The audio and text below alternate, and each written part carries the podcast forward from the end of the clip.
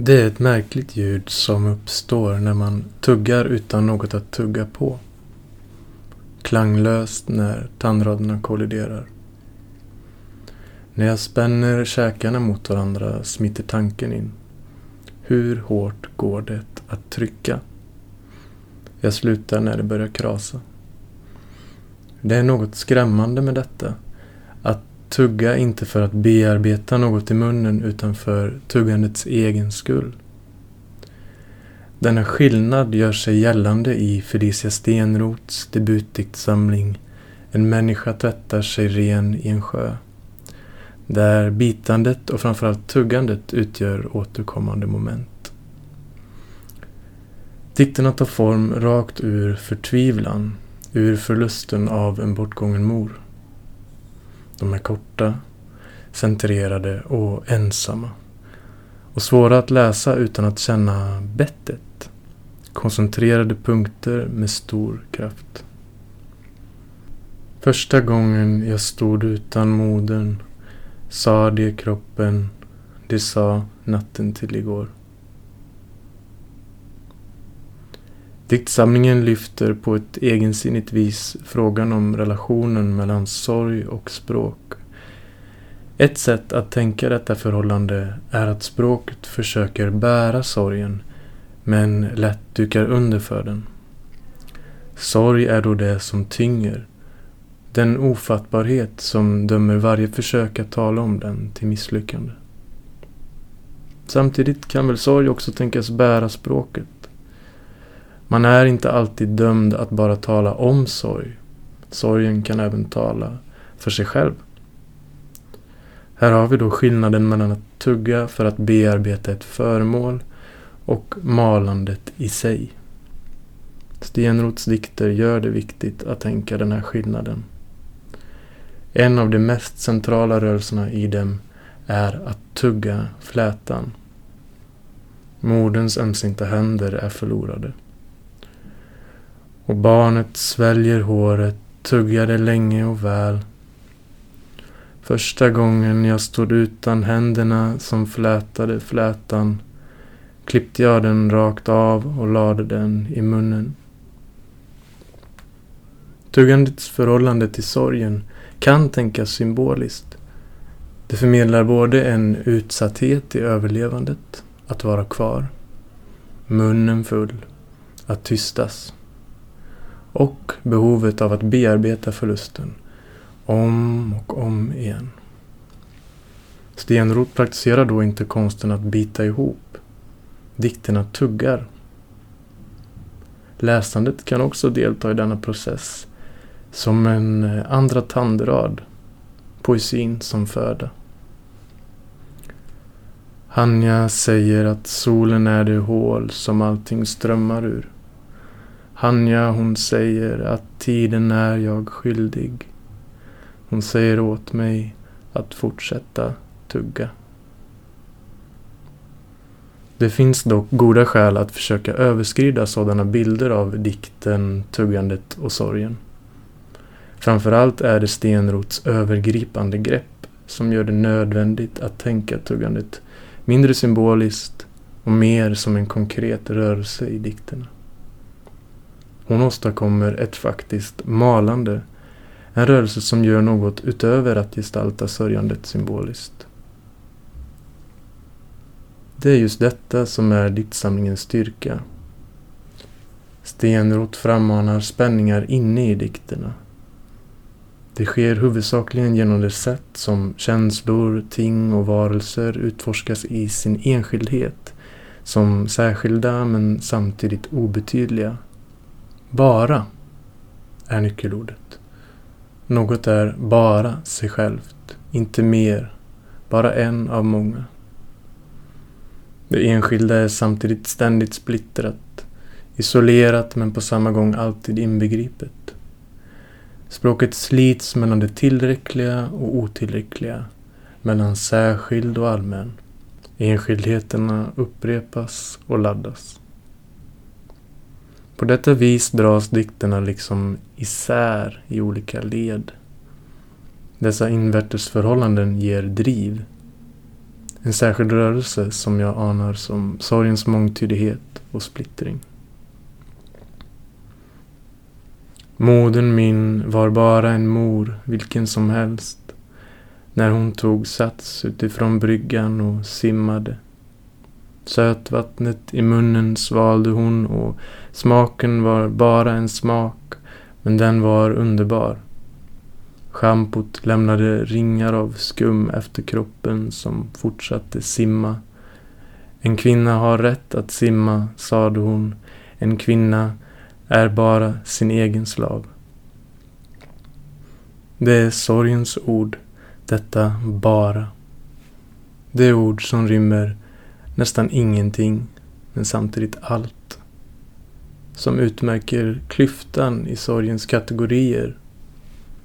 Som splittrar sinnet. Stenrot låter det ibland stå ensamt. Kopplar det ibland till konjunktionen men som en upprorisk invändning.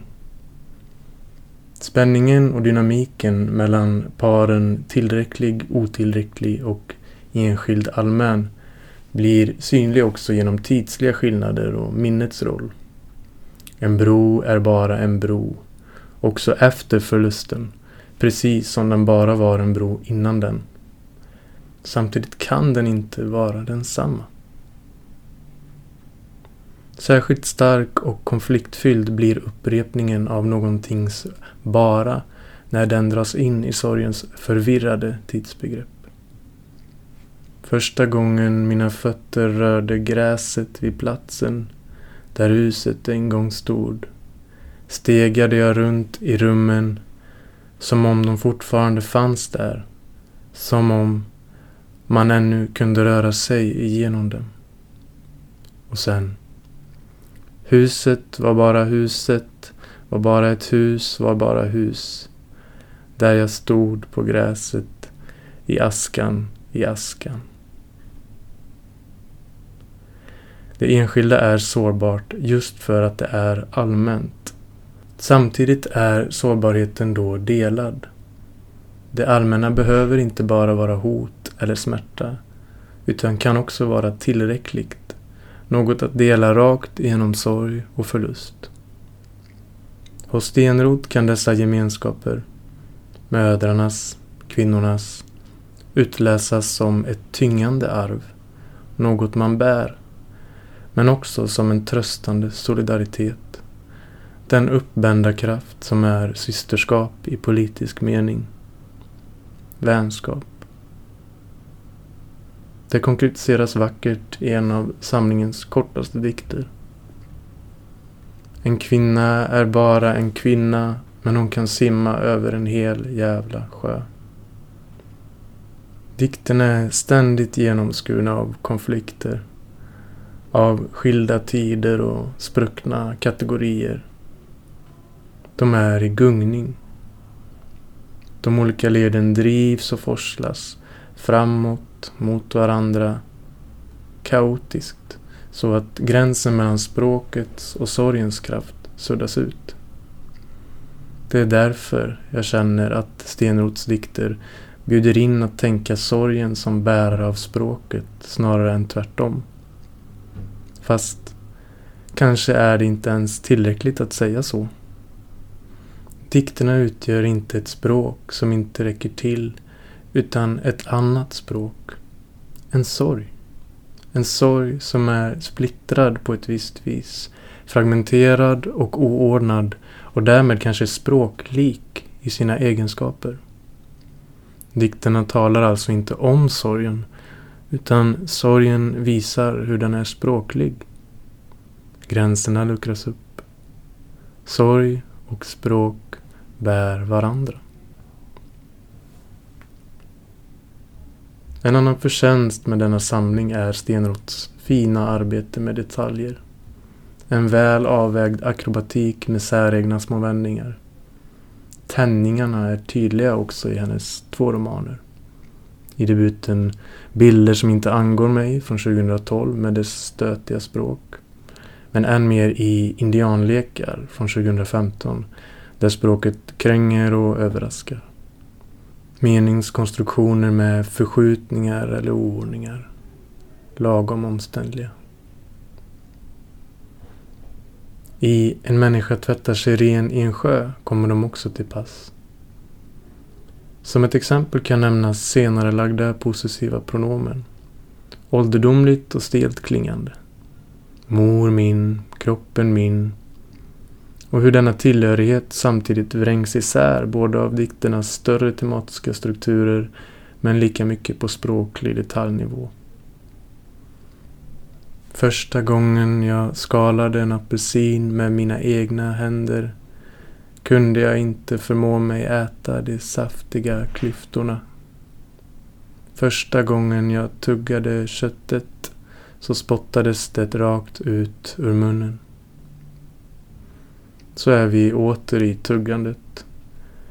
Med de uppskjutande, upprepande rörelserna kring sakernas bara har det blivit ett malande. Malandet som det sätt på vilket sorgen talar. Greppet är som sagt drabbande. Men inte enbart. Det blir också tröttande. Det jag saknar kan kanske beskrivas som sorgens periferi. Det som distanserar sig. Det omkring som inte riktigt låter sig slukas och som därigenom destabiliserar sorgens centrum. Det ihärdigt egna som den ständigt springer ur. Ironiskt nog är det just omtuggandet av sakernas egenhet som gör dem svåra att skilja från sorgens jag. Gräset i kanten av viken är bara gräs, men det är underbart. Vattnet i sjön är bara en sjö. Kvinnan i sjön är bara en kvinna. Hon är sin egen slav, där hon simmar beslutsamt rakt ut i sjön. Här framträder visserligen gräset som sig självt. Men det är fortfarande underställt det repetitiva sorgspråkets schema tillräckligt otillräckligt. Den centrala sjön blir ett tydligt exempel på sorgens rumsliga karaktär. Den är en helhet, visserligen tvetydig och hela tiden laddad, men inlämmande. Vattnet i sjön är bara en sjö. Så tycks sorgen samla in allting. Det är förvisso möjligt att detta är en ofrånkomlig konsekvens av det poetiska greppet. Och kanske också den malande sorgens absoluta villkor, vilket Stenroth också antyder i en av de kortare dikterna.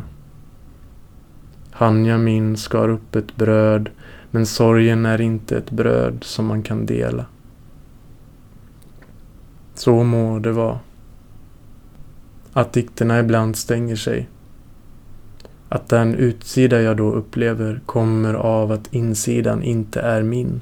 Att jag vet mycket lite om den smärta som bär just detta språk. Samtidigt är det inte något alldeles annat än sorgen som fattas mig här.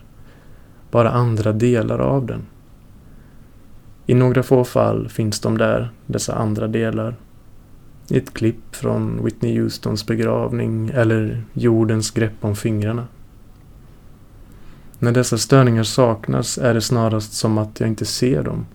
Fullt upptagen av att lyssna som jag är. Och så börjar jag ana att det jag erfar kräver syn. Som att lyssna till en röstinspelning och plötsligt förstå att talarens gester är avgörande för förståelsen. Som att det här var mina tankar och detta dina och de sträckte sig mot varandra. Så här. Att påtala denna brist är inte att säga att sorgen bör tystna. Utan snarare att, metaforiskt, fråga efter dynamiken i sorgens tal som väl också kan rymma mer vilande lägen. Inte för att läsaren nödvändigtvis behöver en paus från malandet utan för att sorgens andra områden dessa dess utkanter är lika mycket sorg som dess centrum. Första gången snön föll över tallen flöt pionens färg från pappret ner i snön och in i jorden. När pionens färg flyter ut, ner i jorden, tänker jag på allt för mättade bilder. Hur de kanske ofrånkomligt träder in i sorgen. Hur Stenrots dikter för det mesta håller sig rörliga, livfulla, men också hur de ibland stängs igen. Och slutligen att ansatsen, detta att pröva hur sorgen kan tala för sig själv, att utforska dess karaktär av språk, är ett beundransvärt ärende.